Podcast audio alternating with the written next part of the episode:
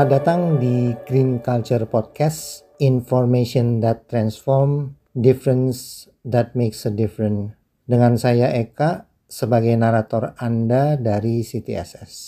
Kali ini di Green Culture Podcast kita akan berbicara tentang Green Farm dan ini adalah putaran ketiga episode pertama untuk Green Farm.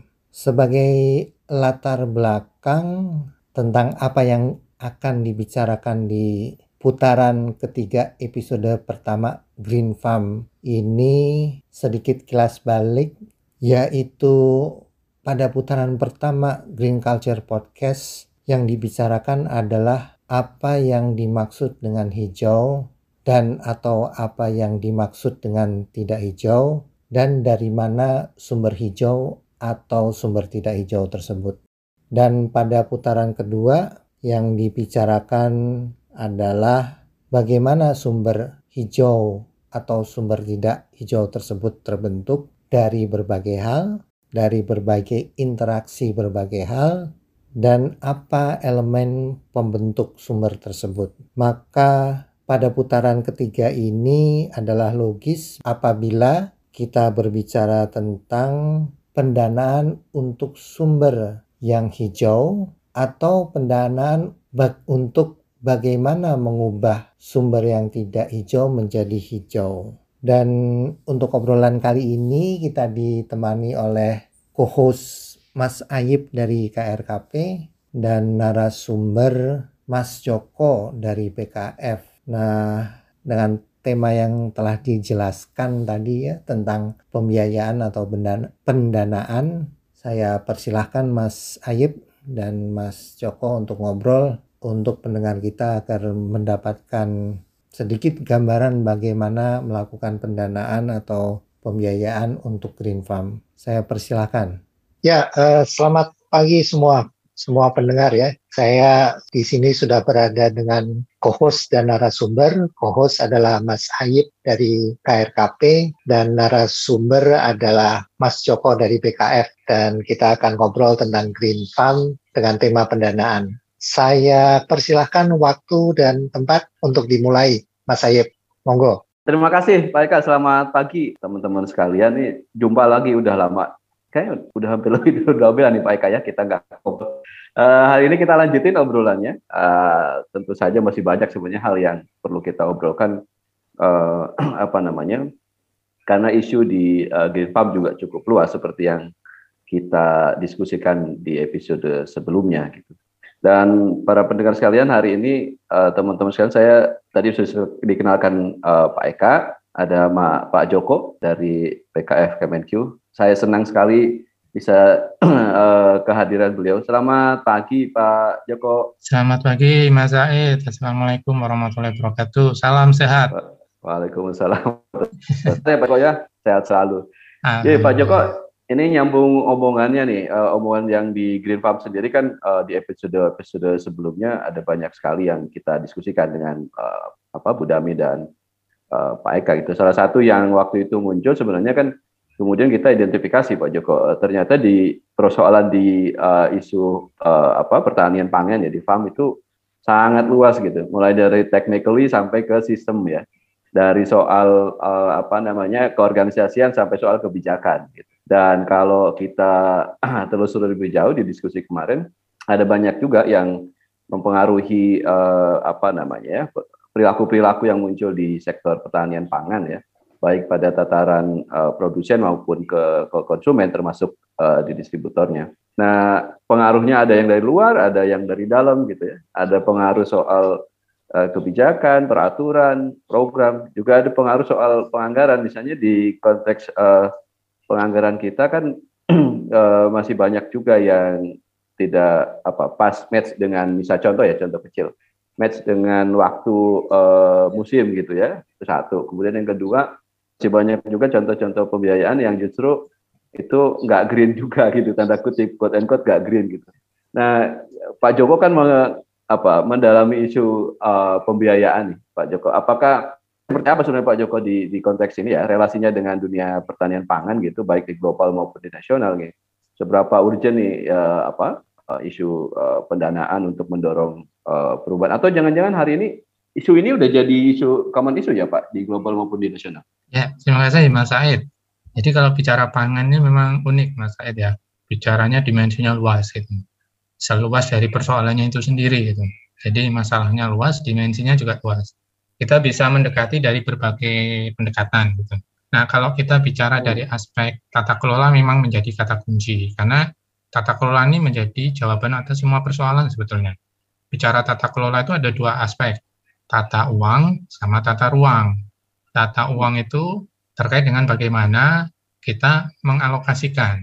Tentu bicaranya sesuai dengan value for money. Jadi satu rupiah dialokasikan misalnya kita mau meningkatkan nilai tukar petani nih NTP. Nah satu rupiah itu bisa menaikkan nilai tukar petani berapa sih gitu. supaya kita punya ukuran efisiensi dan efektivitas dari anggaran yang sudah dialokasikan. Tentu harus ada hitungan standar kebutuhannya, standar anggaran belanjanya gitu. Jadi per hektar itu berapa? Optimalnya berapa? Nah, dari situ ya nanti kita akan bisa ketahuan gitu. Nah, untuk mendeteksi ini ya kami memang sejak 2015 itu melakukan reformasi terkait dengan tata kelola khususnya dari tata uang. Kami memperkenalkan konsep namanya budget taking. Budget taking ini kalau kita dulu sekolah SD itu sebetulnya kita diajarin namanya mencongak bebas gitu ya, penandaan ditandain. Mencongak bebas itu ketika kita bikin uh, program, kita nyusun program kegiatan, kita akan dikunci dengan kata kunci. Jadi kita akan merujuk pada kata kunci. Supaya apa? Supaya ketika kita bikin satu program, di dalam pikiran kita itu selalu ter, terframe performance kinerja. Performance kinerja dari end-to-end -end program.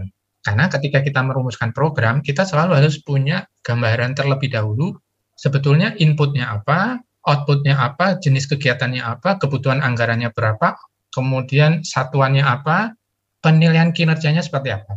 Jadi kita nggak ngarang-ngarang, gitu ya. Hmm. Karena kan, ya. ya mohon maaf ya, terkadang kan kita uh, mikir yang penting ada kegiatan dulu deh.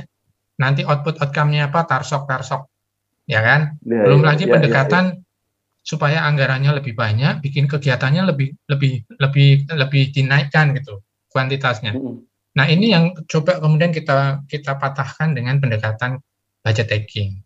Karena dengan budget taking, budget tracking itu bisa dideteksi sebetulnya uh, kebutuhan core activity-nya apa, kemudian support activity-nya apa. Karena kalau bicara hmm. isu ketahanan pangan ya, bicara isu pangan itu kan sebetulnya bukan ANSI hanya menjadi tugasnya Kementan. Dan dia tidak hanya harus diletakkan menjadi kinerja dari uh, kementerian atau kalau di daerah menjadi dinas. Tapi dia harus ya. ditarik menjadi kinerja dari kepala daerah kalau di daerah harus hmm. ditarik menjadi kinerja dari kepala negara kalau di level nasional. Supaya apa? Supaya dia bisa di cascading, bisa di breakdown secara menyeluruh. Jadi pendekatannya tidak hanyalah sektoral, karena kalau dia hmm. hanya diletakkan di level kementerian atau di level dinas, pendekatannya jadi sektoral. Ketahanan pangan seolah-olah hanya menjadi tugasnya Kementerian Pertanian. Ketahanan pangan daerah seolah-olah hanya menjadi tugasnya dinas dispangan di daerah. Padahal bicara ketahanan pangan itu multidimensi. Sama dengan isu stunting. Stunting itu jangan hanya dipikirkan solusinya dari dinas kesehatan. Dia pendekatannya multidimensi. Nah, bagaimana kemudian cara menjadikan menjadikan uh, pendekatannya multidimensi itu kami melakukan mekanisme namanya budget taking, budget taking, budget tracking. Jadi ditandain supaya ketika nyusun program kita sudah punya nih kata-kata kunciannya gitu. Kita punya kata-kata rujukannya yang bisa menjadi cara kita untuk menyusun program supaya selalu terkoneksi dengan input, output, outcome, dan satuan kinerja. Sehingga nanti kita bisa mengukur efisiensi dan efektivitasnya. Itu dari sisi internal ya, Mas Said ya. Jadi kita belum bicara Pak, masalah, ya. Pak Joko, saya boleh uh, monggo, monggo. ini satu, satu poin. Nggak apa-apa ya? ya. Potong-potong nanti yang ya. kita bisa lanjutkan. Uh, ini menarik karena kan selama ini diskursusnya itu kalau mau memperkuat contoh ya produksi pangan gitu ya atau misalnya uh, untuk memperkuat apa ya um, derajat hidup petani lah produsen pangannya itu kan selalu yang uh, kita dorong adalah penguatnya bagi petani gitu Tapi rupanya kalau penjelasan Pak Joko tadi jadi jadi nggak bisa ya, kayak pincang gitu. Oke, tata ruangnya ada gitu ya, eh, dikuasai produksi jadi jalan. Tapi kalau tata tata uangnya nggak nggak mumpuni juga ternyata nggak memberikan dampak yang uh, kuat ya. Nah, Betul. Nah, Pak Joko terkait itu kan jadi menarik tuh. Kemudian kalau ada proses penataan uh, tata uang yang dilakukan, nggak bisa juga kan hanya dinaikkan anggaran gitu. Kan seolah-olah selama ini kita ngomong ya, oh kalau mau naikin produksi, ya udah dong input uh, budgetingnya dia dinaikin. Tapi itu tuh juga nggak serta merta kalau tadi penjelasannya Betul. Pak Joko ada prasyarat uh, yang harus dipenuhi juga. Kalau penerapan budget uh, tagging sama tagging sudah berapa lama Pak Joko dan apakah ini ada ada signifikansi yang kelihatan nggak Pak? Jadi gini, hmm. memang kalau isu dari budget tagging ini kita awali dari isu climate itu Mas. Jadi pendekatannya kata kuncinya adalah climate. Karena kalau bicara pangan, kementan, ketahanan pangan itu kan relasinya dengan climate itu dari sisi adaptasi ya. Jadi kita melakukan isu climate adaptasi budget tagging. Nah, climate adaptasi budget tagging, kalau kita bicara isu adaptasi dari sisi pangan, yang selalu menjadi kata kunci yang selalu berulang-ulang dan menjadi urgensi utama itu apa sih gitu. Saya ambil contoh kasus kalau yang mitigasi ya, Mas Aed ya, hmm. yang mitigasi. Hmm. Kalau di sektor berbasis lahan, itu yang selalu jadi kata kunci itu pertama kan penurunan emisi gas rumah kaca. Emisi. Ya, Kemudian ya, yang kedua karbon sekuritasi, ada penyimpanan karbonnya.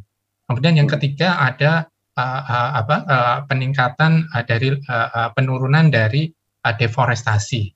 Nah, ini contoh sederhana dari tiga kata kunci yang nantinya seluruh kementerian yang melakukan proses tagging anggaran terkait dengan mitigasi harus merujuk pada tiga kata kunci ini. Nah, nanti okay, diterjemahkan yeah. ke masing-masing tusinya mereka gitu. Jadi misalnya hmm. Kemen PUPera, dia punya hmm. kegiatan program terkait mitigasi perubahan iklim.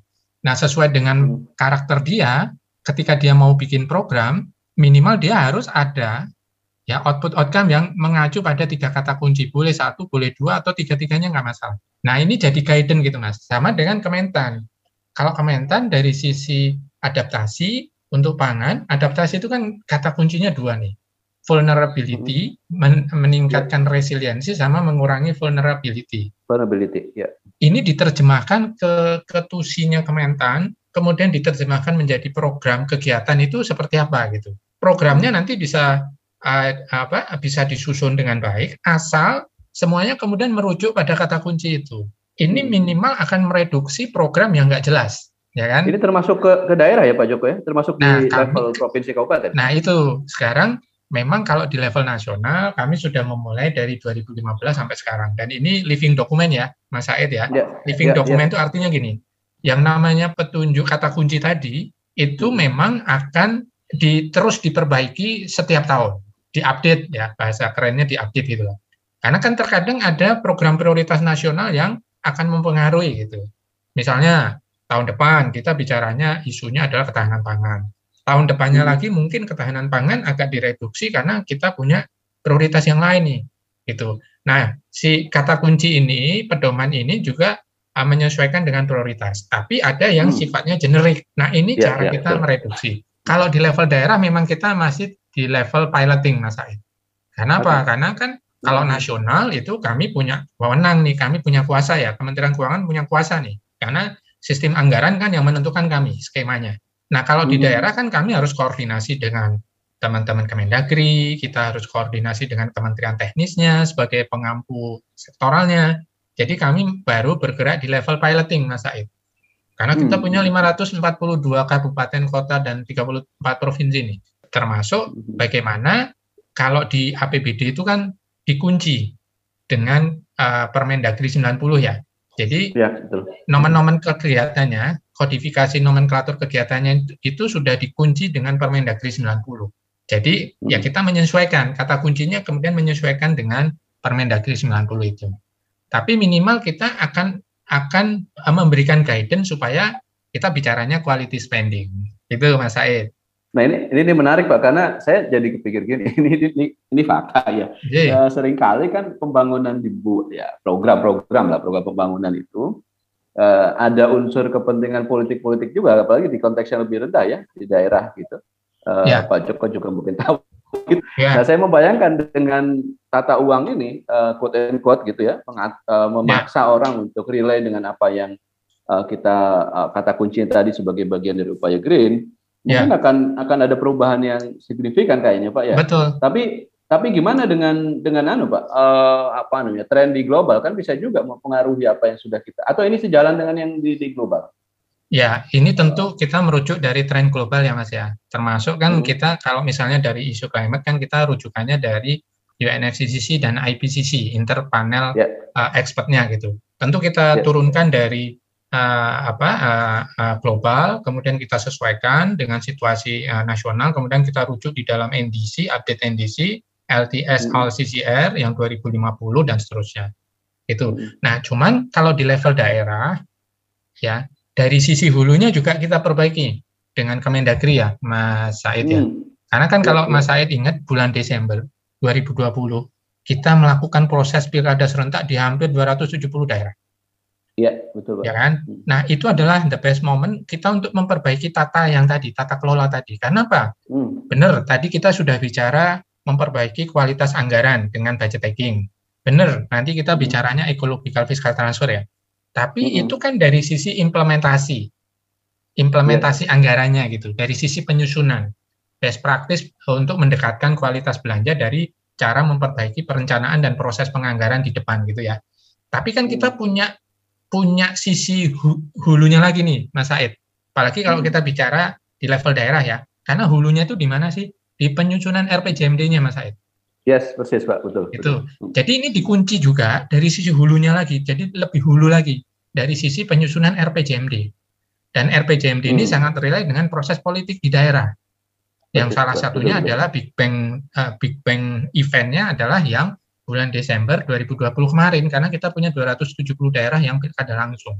Kalau kita hmm. merujuk pada Permendagri 86 2017 kan dikatakan 6 bulan pasca dilantik kepala daerah, baik yang petahana maupun yang uh, apa yang baru, baru selama ya. tidak ada dispute dari MK, mereka harus mengesahkan perda RPJMD-nya.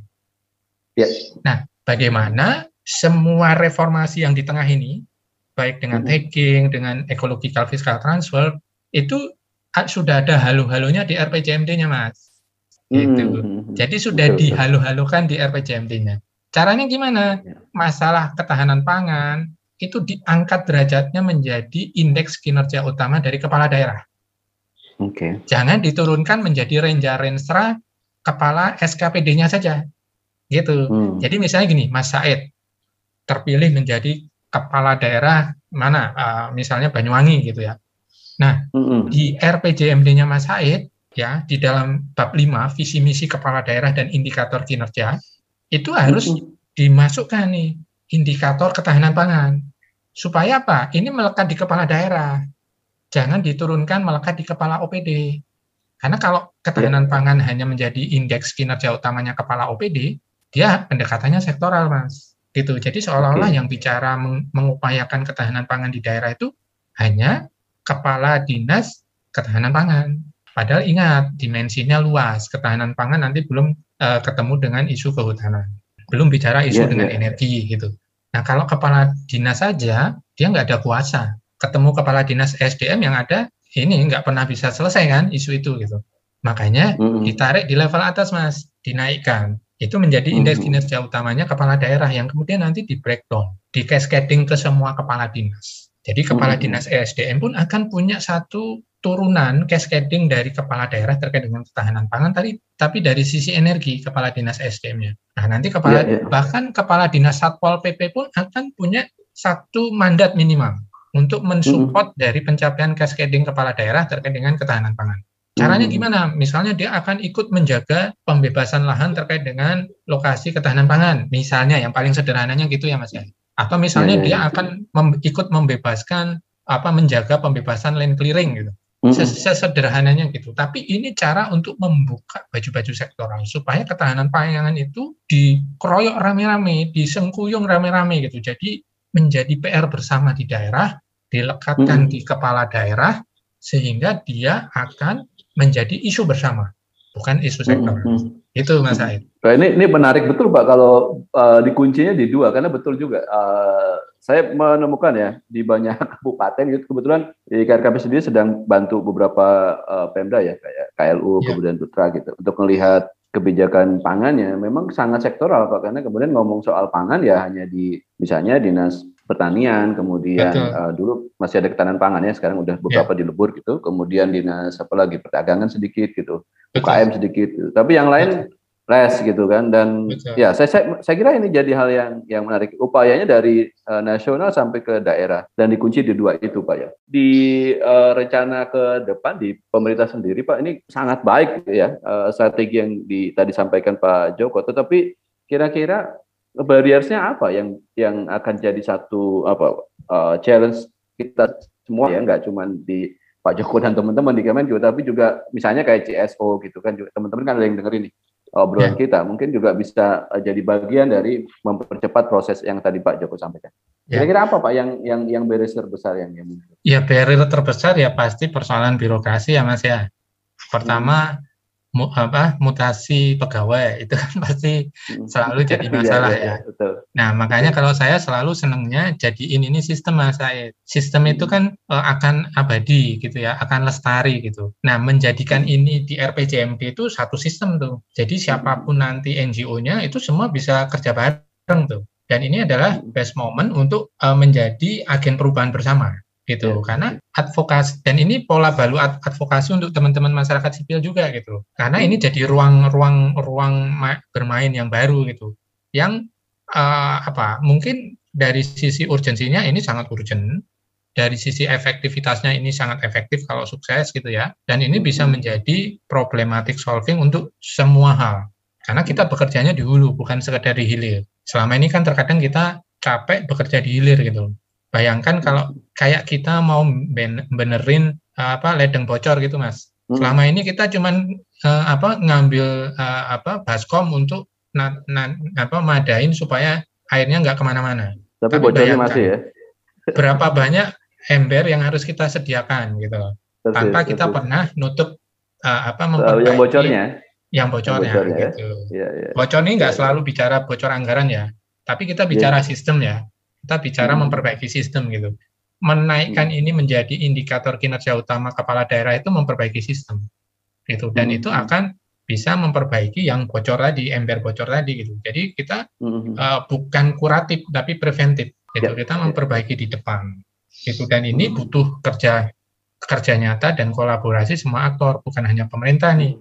Gitu. Hmm. Justru kunci utamanya adalah teman-teman masyarakat sipil yang punya aspek hmm. flexibility gitu karena kebetulan hmm. kami juga punya banyak pengalaman di dalam melakukan proses uh, advokasi daerah-daerah yang kemarin pilkada serentak di bulan Desember dan beberapa hmm. daerah itu alhamdulillah uh, uh, bisa tuh uh, melakukan proses perbaikan sistem ini gitu jadi hmm. semua isu yang sifatnya lintas sektoral itu diangkat mas stunting kehutan, uh, lingkungan hidup kehutanan, lingkungan hidup ya, ketahanan ya. pangan, uh, gender, itu jangan diturunkan jadi kinerjanya kepala OPD, tapi OPD, diletakkan tapi kepala daerah ya. Iya. Ya, ya. Tapi tentu nggak harus satu-satu ya, nanti kita lihat juga. Karena terkadang hmm. kalau hasil review saya ya, saya kan mendampingi daerah untuk penyusunan RPJMD itu banyak ya, udah lama lah. Terkadang kebalik mas, kebalik tuh gini, hmm. di RPJMD kepala daerah malah diserahin indikator kinerja OPD. Sementara hmm. OPD-nya malah diserahin ya indikator yang kinerjanya kepala daerah. daerah gitu loh. Stunting yeah, iya, ditaruh yeah, yeah, di yeah. kepala dinas kesehatan. Betul, ya gimana betul, cara ngatasinya? Uang stunting itu kan bukan hanya bicara masalah kesehatan fisik, dia juga ada mental, dia ada masalah kesejahteraan sosial, dia ada masalah iya, kekerasan yeah, yeah. dalam rumah tangga, perkawinan dini dan seterusnya, ya kan? Betul, betul. Iya, gitu. Sama dengan ketahanan pangan. Itu Mas Aid. Hmm, oke, okay, iya. Aduh, saya jadi banyak anu nih Pak Joko. Uh, karena hari-hari apa sering berdiskusi soal pangan jadi kebayang juga ada ada apalah langkah-langkah yang strategis sebenarnya yang bisa dimainkan okay. oleh kita semua ya termasuk teman-teman CSO. Saya pengen masih banyak ngobrol banyak gitu loh Pak Joko. Kayaknya Siap. masih nggak cukup di satu episode. Tapi saya udah diingetin juga nih waktunya udah tinggal dikit banget gitu. Uh, ini belum uh, teman-teman sekalian pendengar di mana pun ya. Uh, ini kayaknya ini baru kulit luarnya banget gitu ya. Belum ngomong soal uh, apa namanya tren di uh, sampai global. ke komoditi global dan seterusnya ya. Tapi mudah-mudahan yeah. masih ada kesempatan. Saya sampai keselak Pak Joko, saking semangatnya dan pengen terus ngobrol. Pak Joko kalau uh, di apa namanya di uh, Kemenku sendiri sekarang uh, di mana saja yang sedang diuji coba dan seberapa jauh Pak ininya apa namanya uh, progres itu satu yang kedua sebagai closing kira-kira kalau KRKP sendiri kan memang mengusung kedaulatan pangan Pak jadi uh, proses produksi di dalamnya yeah. tentu saja ada ketahanan pangan ya proses yeah. produksi yang cukup tetapi yang paling penting justru kesejahteraan petaninya uh, meningkatkan kira-kira begitu tadi yeah. Pak Joko uh, di awal soal yeah. NTP dan seterusnya nah dengan penguatan di sisi tata kelola uang ini itu juga sangat possible kan tidak hanya yeah. ngomong soal uh, peningkatan produksinya ansih gitu tetapi yang paling penting justru orangnya ya manusianya. Tadi Pak Joko ngomong harusnya sampai ke outcome tuh. Kalau sekarang kan kecenderungannya Pak ya itu cenderungnya sampai di level output Pak. Gitu ya. Nah kira-kira uh, gimana Pak? Apakah ini ada peluang sampai ke sana? Uh, artinya perbaikan pada taraf dengan tata kelola uang ini taraf hidup uh, uh, petaninya gitu ya. Jadi sebetulnya kalau dari level nasional itu saya ingat betul karena saya ikut mem membidangi gitu nih. Dari sisi kesejahteraan uh, petaninya sendiri sejak 2015 sesuai dengan Undang-Undang P3 ya, perlindungan pemberdayaan petani, mm -hmm. itu kami uh, Kementan itu sudah memformulasikan asuransi usaha tani padi. Mm -hmm. AUTP. Ya mudah-mudahan teman-teman juga sudah terinformasikan dengan baik nih, karena ini dikelola via Kementan, uh, di Sarpras kalau nggak salah. Nah AOTP ini memang awalnya dulu kami juga uh, punya usulan terkait dengan asuransi climate di sisi pertanian. Cuman begitu Kementan datang dengan skema asuransi usaha tani padi, di mana salah satu klaimnya itu bisa karena damage karena climate uh, disaster, akhirnya hmm. kami uh, uh, memutuskan untuk menyatukan itu. Jadi hmm. AUTP uh, salah satunya karena yang diklaim itu bisa karena wereng, OPT, banjir, uh, tanah hmm. longsor, uh, disaster yang lain plus climate. Dan ini memang hmm. awalnya masih piloting karena uh, perusahaan asuransinya pun nggak ada yang sanggup mas, karena kan cakupan skala ya, ya. sangat luas ya. Ya, sangat luas gitu. Betul, Dan uh, tantangan terbesar sebetulnya bagaimana menyadarkan petani terkait dengan isu climate, eh sorry, terkait dengan isu asuransi gitu. Karena kalau merujuk pada Undang-Undang P3, pemerintah wajib memberikan subsidi 2 per 3 dari hmm. nilai hmm. klaim asuransinya. Kan uh, asuransinya ini 180 ribu per periode tanam oktan, Oktober, ok, uh, Okmar, Oktober Maret. Hmm. Hmm. Dua per tiganya disubsidi pemerintah sepertiganya lah yang dibiayai oleh petani. Nah ini ya, sudah ya. berjalan ya, uh, kemudian sekarang juga ma mau akan dilanjutkan lagi. Kemudian uh, kalau dilihat dari roadmap memang di tahap awal uh, usaha tani padi, di, ta di tahap uh, berikutnya itu nanti akan mulai menyasar jenis-jenis yang lain mas, kayak hortikultura, hidroponik hmm. dan seterusnya gitu sesuai dengan hmm. uh, apa prioritas masing-masing. Dari sisi yeah. nelayan ini juga diadopsi Mas hmm. karena sudah ada asuransi usaha nelayan. Kalau hmm. nelayan malah lebih komplit lagi karena ada asuransi jiwanya. Jadi kalau hmm. ada melaut, nelayan melaut kemudian nggak kembali karena kejadian itu ada asuransinya hmm. keluarganya sama asuransi hmm. sarana produksinya untuk kapal dan seterusnya. Kapal dan mesinnya, iya, iya. Ya, ya, ya. ini uh, um, uh, sesuai dengan Undang-Undang uh, pelindungan nelayan, eh uh, perikanan atau uh, nelayan gitu. Nah ini kan okay. salah satu cara untuk memper, uh, meningkatkan keamanan dari uh, orangnya gitu ya, karena usaha pertanian dan nelayan ini kan salah satu yang sangat vulnerable, ya kan? Yeah, yeah. Begitu nah. kena dampak selesai gitu. Nah mm -hmm. kalau dari sisi tata kelolanya yang tadi kita coba terus uh, perbaiki ya uh, secara perlahan, mm -hmm. secara progresif mm -hmm. ya. Kemudian mm -hmm kita juga sudah punya uh, regulasi terkait dengan uh, disaster risk finance uh, management, mas.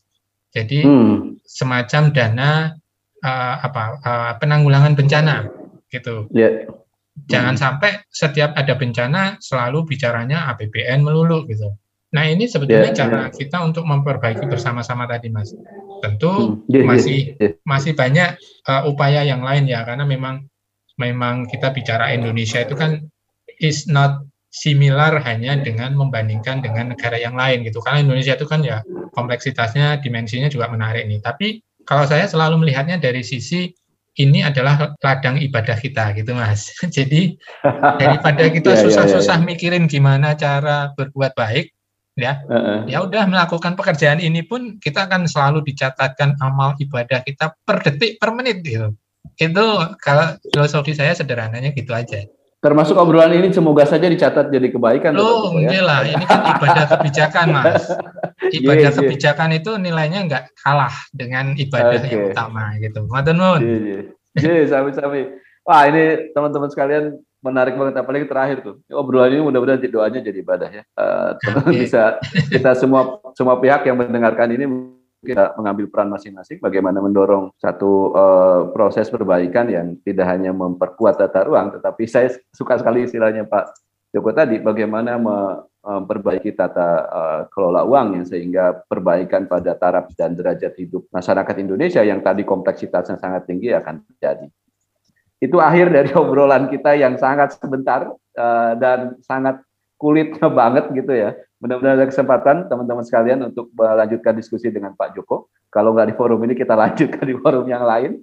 Uh, kita gali terus uh, apa namanya supaya beliau banyak amal ibadahnya, berbagi ilmu dan pengetahuan. Siap, siap. gitu Pak Joko ya. Baik, terima kasih Pak Joko atas waktu dan kesempatannya. Kita jumpa di lain uh, kesempatan. Pak Eka saya kembalikan. Ya, terima kasih Mas Sayed, uh, Mas Joko. Memang menarik sekali dan waktu memang sangat terbatas ya. Tapi apa boleh buat ya kita ber, berbuat dari yang sedikit dulu moga-moga menjadi tambah banyak nanti dan salah satu takeaway ya kalau saya boleh ambil dari episode ini adalah uh, temanya kan tentang pembiayaan pendanaan ya. Kemudian kita bicara uh, tentang tata kelola, spesifiknya tata kelola uang ya. Dan ternyata dari tata kelola uang ini banyak sekali hal yang harus kita bahas. Dan saya juga berharap sama ya Moga-moga tidak berhenti di sini saja, tapi kalau tidak di forum ini ya di forum lain kita teruskan obrolan yang sangat menarik ini. Baik pemirsa atau pendengar ya, itu saja yang bisa kita sampaikan hari ini. Terima kasih atas waktunya dan terus dengarkan Green Culture Podcast untuk episode episode berikutnya. Terima kasih. Terima kasih, sampai jumpa. Terima kasih, Mas Nur, Mas Ayib.